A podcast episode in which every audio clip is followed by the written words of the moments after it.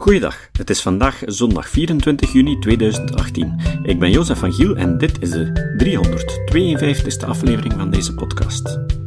Op 8 maart was er in het Liberaal Archief in Gent de boekenvoorstelling van het boek In Naam van God van Paul Cliteur en Dirk Verhofstadt en het boek Mag God nog? waarin Lisbeth Imbo een gesprek aangaat met een vrijzinnige, een christen en een moslim. De moslim was Khalid Ben Nadou. De christen was Rick Torfs en de vrijzinnige was Paul Cliteur. Tijdens deze boekvoorstelling interviewde filosofen Tineke Beekman, Lisbeth Imbo en Paul Cliteur over het boek Mag God nog? In de volgende twee afleveringen horen jullie de voorstelling van het boek in naam van God. Er zit wat storing in de opname die te wijten is aan de lokale geluidsinstallatie, waar ik spijtig genoeg geen controle over had. Mijn excuus daarvoor. Hartelijk dank ook aan de talrijke uh, aanwezigen voor deze dubbele uh, boekvoorstelling. We beginnen eerst met een intro. Natuurlijk, ik hoef uh, Lisbeth Imbo en Paul Cliteur aan jullie niet meer voor te stellen. Lisbeth Imbo, ik zal even met jou beginnen over dit boek. Mag God nog? Kennen jou van de radio en van uh, de televisie een beetje. En ook u was hoofdredactrice van, uh, van De Morgen. Ja, goedenavond. Wat brengt jou eigenlijk bij zoiets als God, een thema, om, om daar een boek over te maken? Het is eigenlijk begonnen met een, uh, een gesprek in het uh, Museum over dus dit thema waar het, de gesprekspartners ook al rectors waren en Khalid Benadou, maar toen wel aan Brussel. Uh, de politica die langsgekomen was. En eigenlijk op basis daarvan, en dat was eigenlijk een heel boeiend gesprek, was ook heel fijn om in het publiek uh, ook een aantal moslims te zien, want heel vaak wordt dat dan toch iets waar wij dan naartoe komen en veel te weinig mensen van hun uh, gemeenschap. Maar dat was eigenlijk vrij goed vertegenwoordigd. En um, toen was Wim de Bok daar van de uitgeverij Borger en Lambrechts en die vroeg mij toen zouden we daar geen boek van maken. Maar we wilden het wel weghalen uit de politieke sfeer, vandaar dat we dan een, uh, een vervanger gezocht hebben voor uh, Anne die dat op dat debat heel goed gedaan had.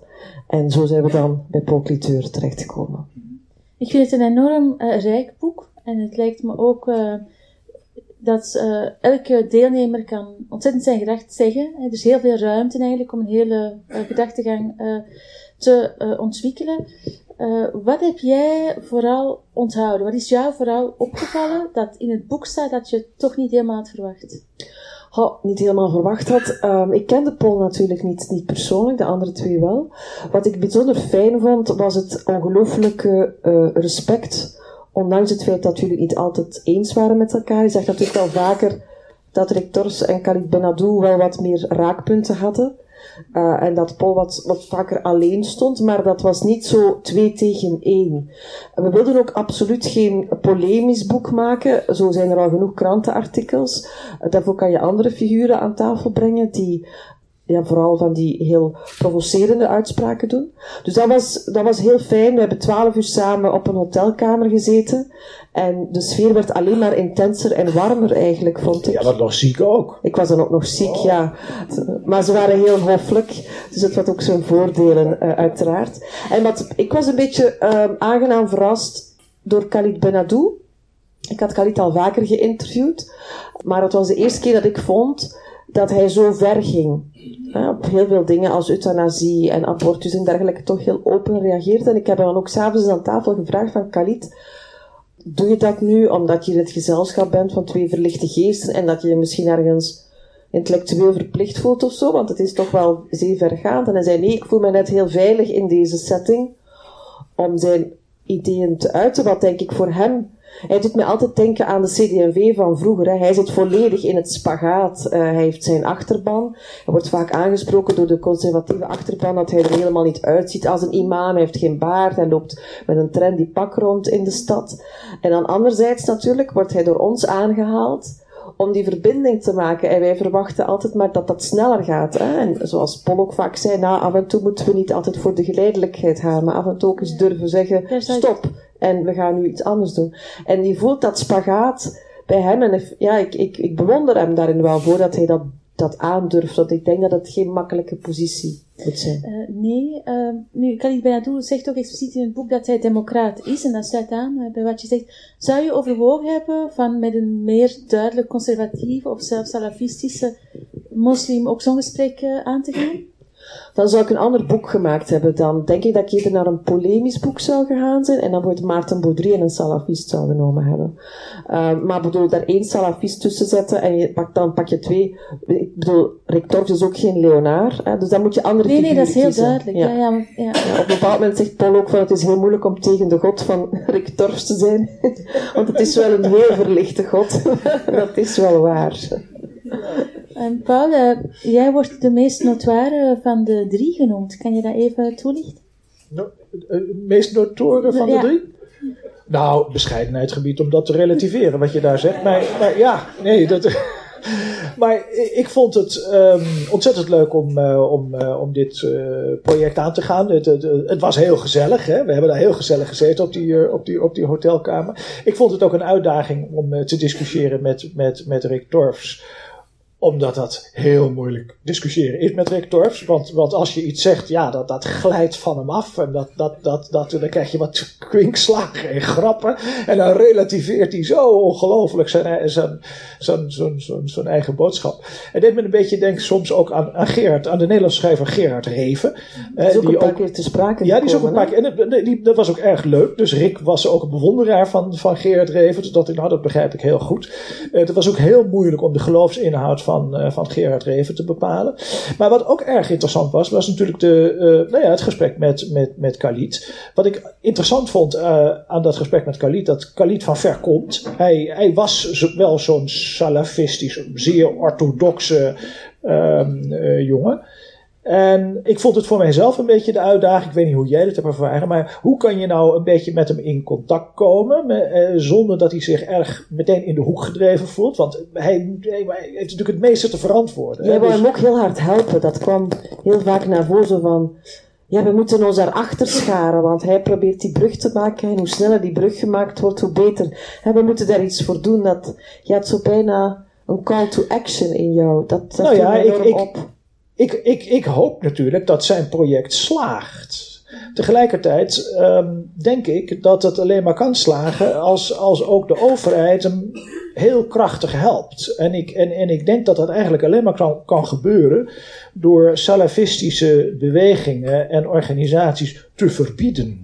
Door de, door de geldstromen ehm, eh, af te kappen vanuit eh, de oliestaten als Qatar. Heeft Willy Laas een mooi boek over geschreven. En Saoedi-Arabië. Weet je, Dat soort staten die, die financieren voortdurend een soort van islam. Waar we ongelooflijk problemen mee hebben. En die van Khalid die zou het, zou het Ja. eigenlijk moeten worden. Maar dat zal met alleen maar praten niet lukken. Ja. En daar vond ik zowel Khalid als, als, als, als Rick iets te optimistisch eigenlijk. Eh, dat, dat- Maar hij was er ook wel heel gefrustreerd over, hè, dat hij vaak zegt van eh, de overheid verwacht van mij een soort hè, moderne, verlichte islam.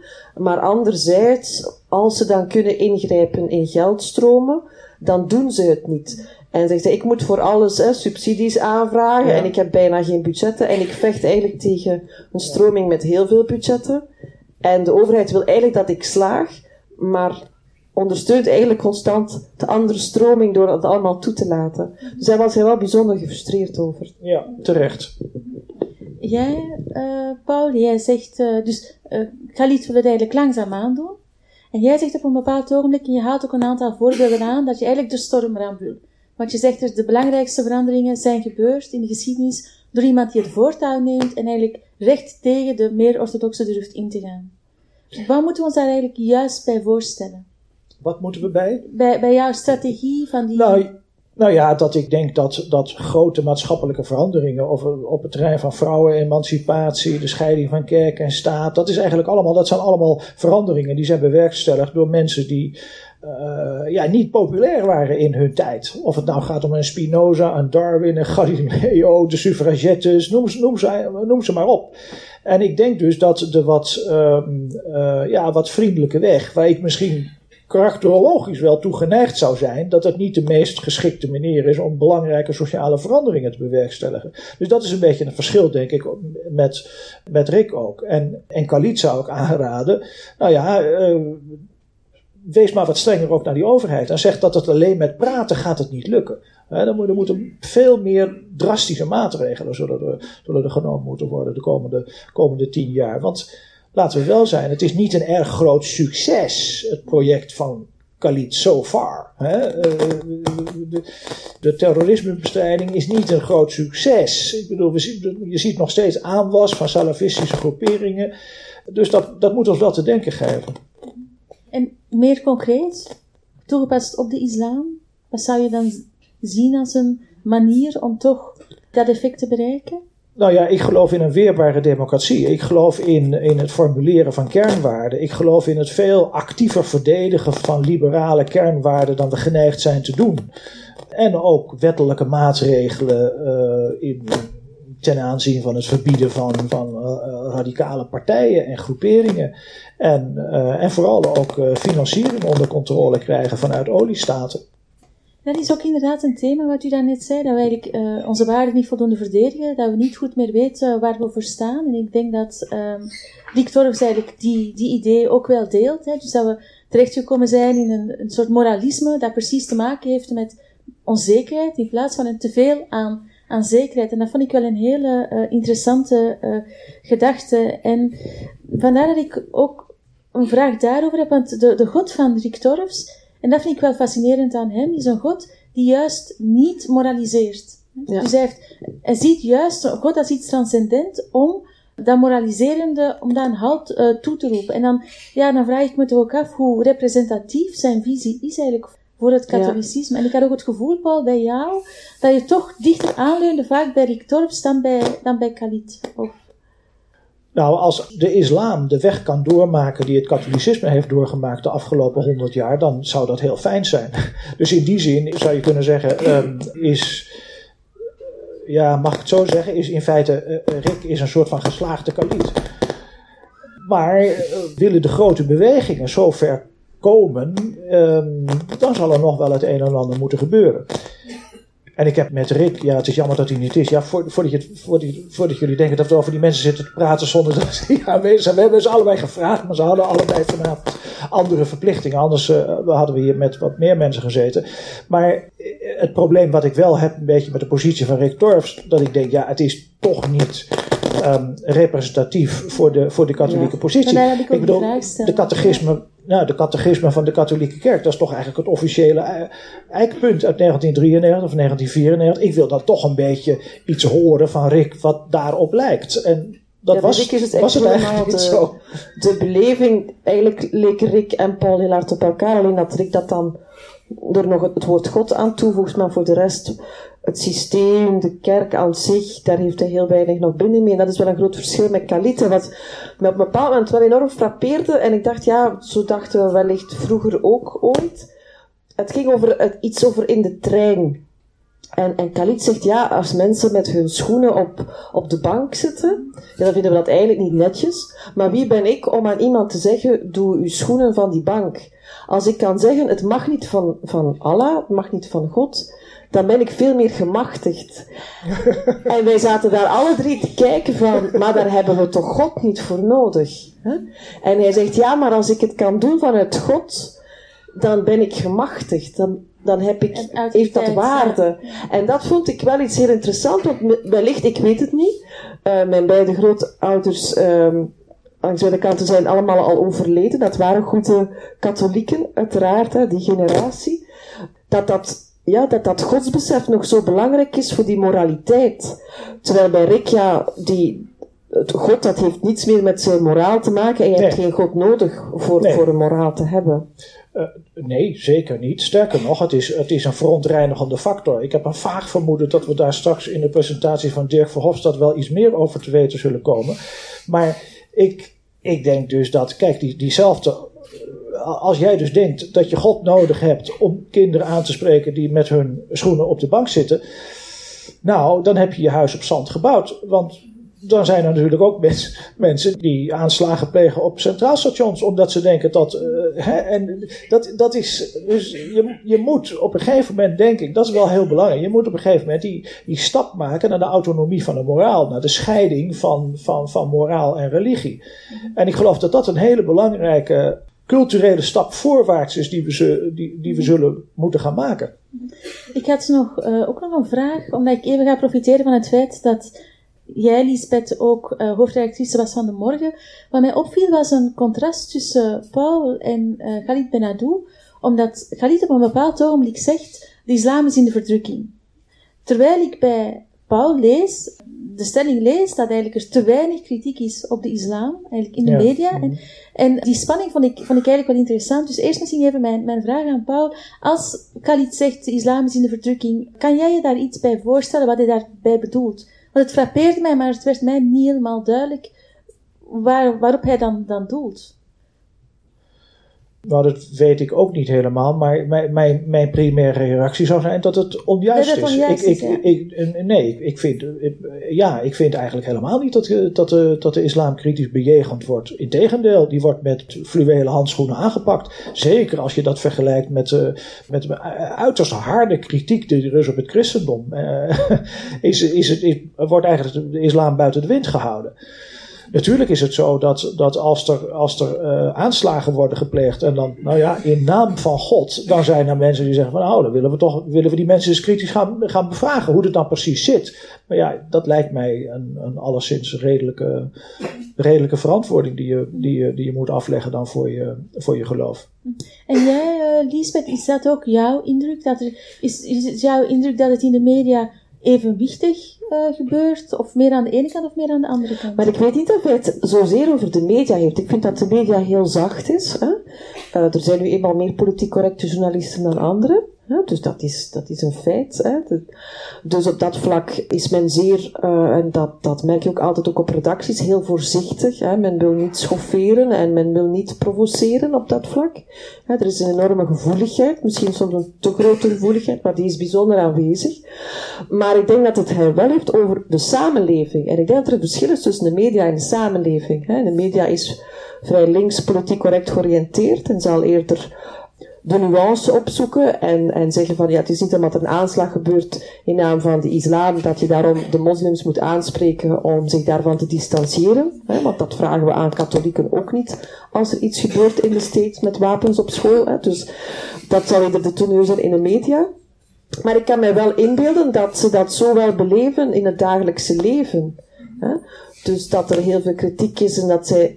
Ja, het is nu eenmaal een feit dat iedereen die ooit eens met kritiek te maken heeft, je krijgt, kritiek komt altijd harder binnen. Dat blijft ook veel meer plakken. Hè? Dus ik kan me inbeelden als je op straat loopt en je krijgt een paar venijnige opmerkingen aan je hoofd omdat je een hoofddoek aan hebt, dat dat veel meer blijft plakken dan al die anderen die je positief bejegenen. Dus ik kan me wel inbeelden dat zij wel het gevoel hebben dat het vaak een wij-zij gesprek is uh, waarin wij vinden dat op school uh, de, een aantal dingen wel moeten kunnen. Dus ik kan mij wel vanuit zijn perspectief het, gevoel hebben dat ja, islam in de samenleving wordt islam helemaal niet positief bejegend. In de media wordt het veel positiever bejegend dan in de samenleving. Dat, dat, dat blijkt ook uit, uit politieke resultaten. Hè. Politieke partijen die, uh, zoals de NVA, vrij hard zijn voor de islam, doen het, doen het heel goed bij het brede publiek.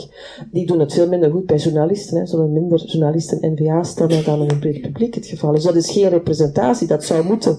Maar ik, dat is dat al lang niet meer. Hè. Dus ik denk dat hij dat niet zozeer op de media um, had. Maar zelfs ook in de bredere samenleving zijn er toch ook een aantal tegemoetkomingen aan moslims en aan islam, waardoor je kan zeggen, het is toch niet, toch niet noodzakelijk zo, dat die in de verdrukking zijn. Denk maar aan halal in kantines en een tal van andere accommodaties bijna, zou je kunnen zeggen, want dat, dat zijn ook natuurlijk dingen die gezegd worden, of in ziekenhuizen of elders, dus uh, vroeg ik me dat eigenlijk wel af, omdat ik denk dat die beleving inderdaad wel belangrijk is. En, en dat de, de beide kanten eigenlijk het, gevoel hebben dat hun positie in de verdrukking is tegenover, uh, uh, tegenover de andere. Uh, denk jij dan niet dat de media dat zou moeten proberen te corrigeren? Het u zegt dat er een aantal, want u gebruikt ook het woordje politiek correct, hè, dat er meer politiek correcte journalisten zijn, want tenslotte Um, als dat klopt, dan dreigt er toch ook een soort wantrouwen tegenover die media, wanneer het eigenlijk de berichtgeving zou, zou beïnvloeden. Ja, dat is waar, maar ik, ik geloof niet in de neutrale, objectieve journalist. Ik bedoel, elke journalist is een mens en vertrekt vanuit een mensbeeld. Hè. En het is nu eenmaal zo dat, zij zich, dat mensen met dat geëngageerde mensbeeld zich vaker aangetrokken voelen tot de media dan anderen. Hè. Dus je, je, je hebt ook maar de mensen die zich aanbieden om ermee aan de slag te gaan.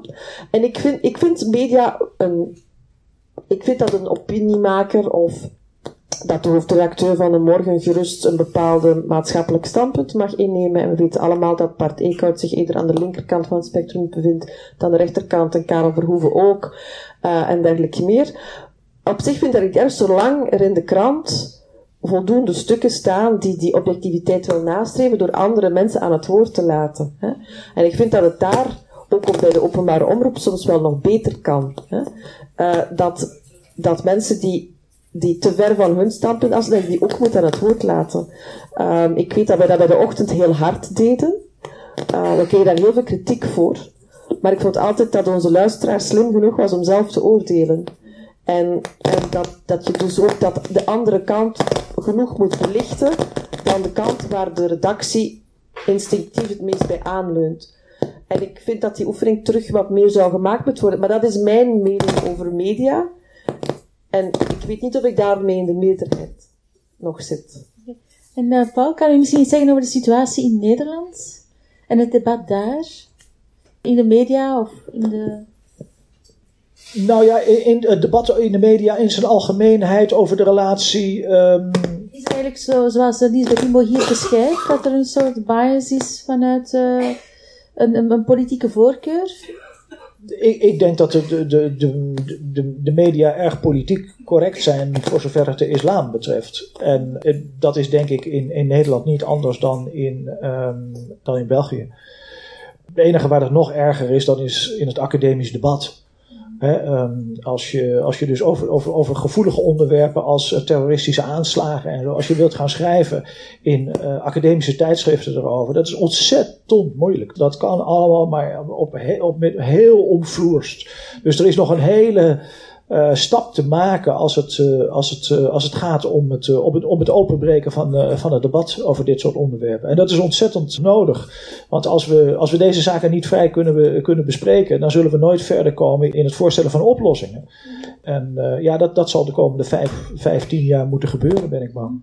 Ja, dat is ook wat Jonathan Haidt zegt en, en heeft onderzocht, hè, dat er een bias is, vooral in de menswetenschappen uh, aan de linkerzijde, dat eigenlijk de diversiteit, intellectuele diversiteit aan universiteiten eerder afneemt dan dat ze toeneemt. Hè, wat natuurlijk ook een enorme weerslag heeft op het onderzoek en dus eigenlijk ook op het, uh, op het debat. Ja, ja, de, enige diversiteit die ze aan universiteiten voor ogen hebben, dat is een soort van raciale universiteit. Dus ze willen mensen dus met, met een Aziatisch uiterlijk en een, en een Afrikaans uiterlijk en een, en een Europees uiterlijk, die willen ze allemaal op de foto. En dan denken dus universiteitsbestuurders dat ze diversiteit hebben gerealiseerd. Dat is natuurlijk helemaal niet waar, want die mensen kunnen allemaal hetzelfde denken. Waar het om gaat, is om viewpoint diversity. Dus, je, dus universiteiten die zouden de, de clash of opinions moeten, moeten stimuleren tussen mensen met hele verschillende ideeën. En dat is helemaal niet zo. Uh, dus dat, dat, is ook een zeer, zorg, ja, een zeer zorgelijke, zorgelijke situatie ook aan, uh, aan, in ieder geval aan Nederlandse universiteiten. Belgische kan ik niet helemaal overzien, maar ik, ik, ik vrees dat het wel een beetje hetzelfde is. En dan nog een laatste vraag voor jou, Paul. Wat heeft jou ook verrast aan dit boek? En aan het Vlaamse debat? Zijn er dingen die je in Nederland anders zou zien of, of niet? Nou ja, ik denk, de, de, wat in ieder geval uh, helder is, dat is, uh, als ik nou even voor mijn eigen parochie mag spreken, dat is, de, dat is de seculiere kerk. Dan kun je zeggen dat er in België nu wel een aantal publieke intellectuelen actief zijn, die heel uh, prominent aanwezig zijn. Ik denk dat een beetje de, de godvader van die beweging, Etienne Vermeerses, maar, maar die, heeft, die, die heeft kinderen en kleinkinderen gekregen. Dus Dirk Verhofstadt en, en Maarten Boudry en, en Johan Braakman. En, dat, en die mensen, dat mis je wel een beetje in, in Nederland. Er is heel weinig seculier, atheïstisch, expliciet gedachtegoed. Ja, Floris van den Berg dan, Herman Philipsen. Nou, maar dan heb je het wel zo'n beetje, een, een, beetje gehad. Dus, dus op dit moment is, is wel, nogmaals, voor, voor mijn parochie is, is, is, is België een beetje gidsland. Dankjewel. En misschien nog een laatste vraag voor Lisbeth. Wat zijn jouw volgende plannen na dit, na dit boek? Op dit moment ehm, is er geen nieuw boek gepland. Dus uh, er zijn wel een paar ideeën, maar ze zitten nog meer in mijn koker dan dat ze uh, al bij de uitgever op de tafel liggen. Um, op dit moment ben ik vooral uh, heel hard bezig met een project dat heet Content Makers. Waar we maatschappelijke thema's willen aankaarten, zoals religie, want daaruit is het ontstaan van het boek. Maar ook, we hebben nu een MeToo-debat gisteren gedaan en we doen er volgende week in of een vrije meningsuiting. Omdat ik geloof dat het debat door allerlei omstandigheden, en ik wil zeker geen steen werpen, maar te weinig nog uitgebreid gevoerd kan worden in de media, maar je te veel in format zit en het, als je twaalf minuten krijgt, je al heel blij mag zijn, ook als dat, dat ligt niet aan de programmamakers, uh, voor alle duidelijkheid. En dat willen wij net wel weer terug invoeren, dat het eens ergens mag overgaan en dat ook iemand de tijd kan krijgen, zoals in het boek, om een redenering af te maken. En we zoeken mensen in die debatten die toevoegen aan het debat in plaats van alleen vanuit hun eigen standpunt en niet bereid zijn tot enige convergentie te zoeken. En daar ben ik eigenlijk op dit moment het hardst mee bezig. Oké, okay, want ik denk dat het voor dit boek uh, zeker geslaagd is, want ik Dank vond het heel een enorm verrijkend uh, boek. Dankjewel. Dank Dankjewel.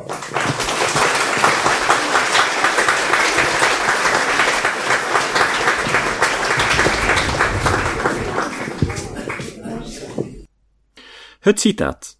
Het citaat van vandaag komt van Steven Pinker. Pinker zei: Moslims moeten niet meer gekwetst zijn dan christenen gekwetst waren toen bepaalde repressieve praktijken van het christendom aan hervorming toe waren. Nog maar enkele eeuwen geleden verbrandden de christenen ketters en martelden ze joden opdat ze zich zouden bekeren. Als je kritiek had op die praktijken, dan was je geen racist. Je was een humanist. Dezelfde regels gelden vandaag. De islam is geen ras of etniciteit. Godsdiensten zijn gewoon ideeën. Ze hebben geen rechten. Je mag dus net zo goed kritiek hebben op een godsdienst als op, bijvoorbeeld, het neoliberalisme. Tot de volgende keer. Deze podcast is het resultaat van het werk van veel mensen. Rick de Laat verbetert bijna al mijn teksten en maakt de meeste vertalingen. Emiel Dingemans verzorgt onze website en Facebookpagina. Ook Leon Korteweg en Stefan Sutens schrijven, vertalen of verbeteren soms artikelen. Leon onderhoudt bovendien het YouTube-kanaal van deze podcast. De muziek van de intro en de trailer heeft Nick Lucassen geschreven en soms maken we ook gebruik van muziek van Ad van Nederpelt, die ons zijn prachtige composities ter beschikking stelt. Dit was de podcast Kritisch Denken. Vergeet niet om alles kritisch te behandelen, ook deze podcast. Voor verdere informatie over deze podcast, links en voor de tekst, surf naar www.kritischdenken.info. Als je deze podcast belangrijk vindt, kun je me steunen door anderen warm te maken ook eens te luisteren. Stuur een e-mail naar vrienden met een link naar de website en plaats de link in de handtekening van je e-mails. Tevens kun je op iTunes deze podcast een beoordeling geven of een recensie schrijven. Of je kan op je eigen website of blog een link naar kritisch denken plaatsen.